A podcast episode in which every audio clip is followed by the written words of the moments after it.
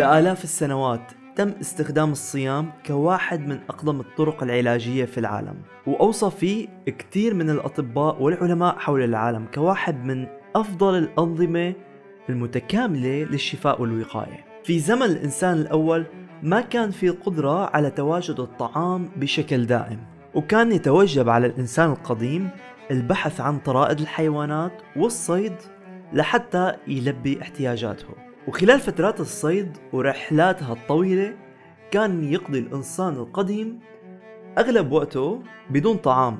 العلامة المعروف بالرياضيات فيثاغورس كان واحد من أهم العلماء اللي آمنوا وأشادوا بأهمية الصيام. في رحلة فيثاغورس الطويلة للبحث عن العلم وصل لمصر وتحديدا بفترة كانوا المصريين معروفين بالعلم اللي عندهم. وكان شرط من شروطهم الأساسية لحتى ينضم فيثاغورس أنه يصوم لمدة 40 يوم. برأيهم العلم بيأتي بالخبرة اللي ما كانت موجودة في فيثاغورس بهديك الفترة. بعد اجتيازه لفترة الصيام هي قال فيثاغورس عن الصيام أنه له فوائد عجيبة بزيادة النشاط العقلي والجسدي. وقال لقد ولدت من جديد من خلال مرحلة التطهير هذه. لقد تغير مركز كوني. شخص آخر من أهم فلاسفة اليونان القديمة هو أفلاطون وقال عن الصيام أنا أصوم من أجل قدر أكبر من الكفاءة الجسدية والعقلية.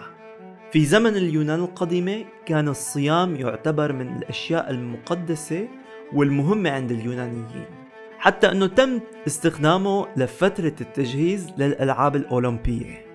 وكتير من المصريين القدماء أيضا كانوا معروفين عن صيامهم لمدة 30 يوم بالسنة على الأقل. لإيمانهم الكامل على أنه الصيام هو وسيلة رائعة على التحكم بالنفس. على مر قرون عديدة اعتبر الصيام كواحد من أهم الأمور اللي بيقوم عليها التجديد الجسدي والروحي وكان جزء أساسي لمعظم الأديان في العالم بحيث ارتبط ارتباط وثيق بالتوبة والمغفرة. وأيضا كان يعبر عن العفة والقداسة. حتى سكان أمريكا الأصليين عرفوا عن تناولهم فقط للطعام عند الحاجة. وليس تناول ثلاث وجبات مثل النظام المتعارف عليه حاليا. ومن قبلهم تم استخدام الصيام للتحضير للحرب وأيضا للصيد. أما في زمن الهند القديمة تم استخدام الصيام لدفع الدين للمدين كان المديون بيصوم لحتى يسدد دينه كنوع من العفو المرجو بهداك الوقت. الصيام انوجد في جميع الديانات السماوية حتى انوجد بجميع كتبها. في الديانة اليهودية مثلا يوجد عدة أيام للصيام من بينهم يوم الغفران. أما في الديانة المسيحية فبتحفز تابعيها على صيام 40 يوم اتباعا لعيسى عليه السلام اللي صام 40 يوم في الصحراء. أما بالديانة الإسلامية يتم صيام شهر رمضان المبارك اتباعا للآية الكريمة يا أيها الذين آمنوا كتب عليكم الصيام. أما في الديانات الأخرى كالديانة الهندوسية بيآمن تابعيها أنه الصيام بيساعد على تطهير العقل والجسد. أما في البوذية بيرجح تابعيها على عدم تناول الطعام بعد فترة الظهيرة وبعضهم بيتناولوا فقط وجبة واحدة في اليوم. أما في بعض المعتقدات الصينية بتآمن أنه الصيام هو طريق للوصول للحياة الأبدية وبالنسبة لهم هو طريقة فعالة لتغذية الروح بعيدا عن الجسد. أغلب الطعام اللي بناكله بيساعد على زيادة نسبة السكر بالدم. وزيادة نسبة إنتاج الأنسولين اللي ممكن تؤدي إلى أمراض عدة منها السكري. تقليل الطعام ربما ما يلعب الدور الكافي مقارنة بالصيام لحتى تتقلل نسبة الأنسولين الموجودة بالجسم. ولطالما استخدم الصيام في الاحتجاجات السياسية مثل جروب سفرجيتس أثناء مطالبتهم بحرية الانتخاب للنساء بالقرن العشرين. وأيضا ماهاتاما غاندي اللي صام 17 صيام خلال فترة الكفاح لاستقلال الهند من الاحتلال البريطاني. وأيضا مارك توين في مقولته المعروفة عن الصيام بتقول يمكن أن تفعل المجاعة الكثير الرجل. أكثر مما يمكن أن يفعله أفضل دواء وأفضل طبيب.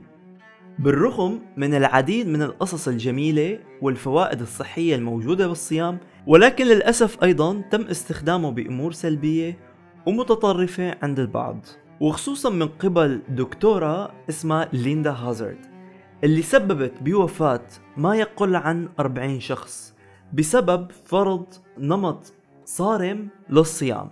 بالرغم من زعمها لنمط صيامها الصارم ماتت بسببه. بسنة 1938 ومثال آخر لفترة الفتيات الفيكتوريات.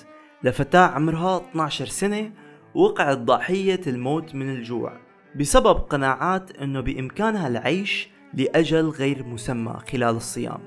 في فترة القرن التسطعش طلع صيت الصيام العلاجي تحت الإشراف الطبي. وواحد من رائديها الدكتور هيربرت شيلتون. اللي بيدعي إنه ساعد أكثر من 40 ألف شخص على استعادة صحتهم. بعد فترة صيام الماء اللي الشخص بيخضع لقطع الطعام تماما والاعتماد على الماء وبعض السوائل تحت إشراف طبي في مدرسة سميت بمدرسة الدكتور شيلتون الصحية. وعلى مثال الدكتور شيلتون تنوعت أنماط الطرق العلاجية عن طريق الصيام وطلع عدة خبراء بهذا المجال حول العالم. في أوروبا تقام إجازات الصيام في معظم المنتجعات الصحية والمراكز حول العالم.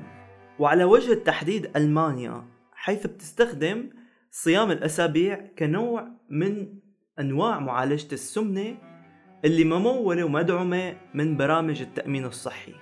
وحول العالم انتعشت موضة ال intermittent fasting أو الصيام المتقطع. ويمكن اختصاره بأنه هو عبارة عن تحديد فترة تناول الطعام لوقت محدد وترك الساعات الأخرى للصيام كامل عن الطعام. ومن أشهر هي الأنماط هو نمط خمسة اثنين. اللي كتير من الناس بتآمن أنه هذا النمط بيساعد على التخفيف من الآثار السامة في الحياة اليومية. الصيام تم استخدامه لآلاف السنوات ولقرون عديدة. وأثبت إلى الآن فوائده العديدة لو تم اتباعه بالطريقة الصحيحة. ومنشوفه أيضا أنه هو تم استخدامه كنوع من أنواع الاحتجاج والمعارضة السياسية اللي أغلبها كللت بالنجاح. تقريبا كل مجتمع حول العالم ذكر أهمية الصيام ولهالسبب فينا نستنتج على أهمية الصيام وضمه كجزء من حياتنا. بتمنى إنه تكون هي الحلقة عجبتكم من مطبخ بلا حدود. على أمل إنه أشوفكم بحلقة قادمة. ما تنسوا تعملوا اشتراك بالقناة ولايك على الفيديو ومشاركة للفيديو لأقربائكم. أنا كنت مضيفكم محمد شيخ الأرض. على أمل أنه أشوفكم بحلقة جديدة. سلام.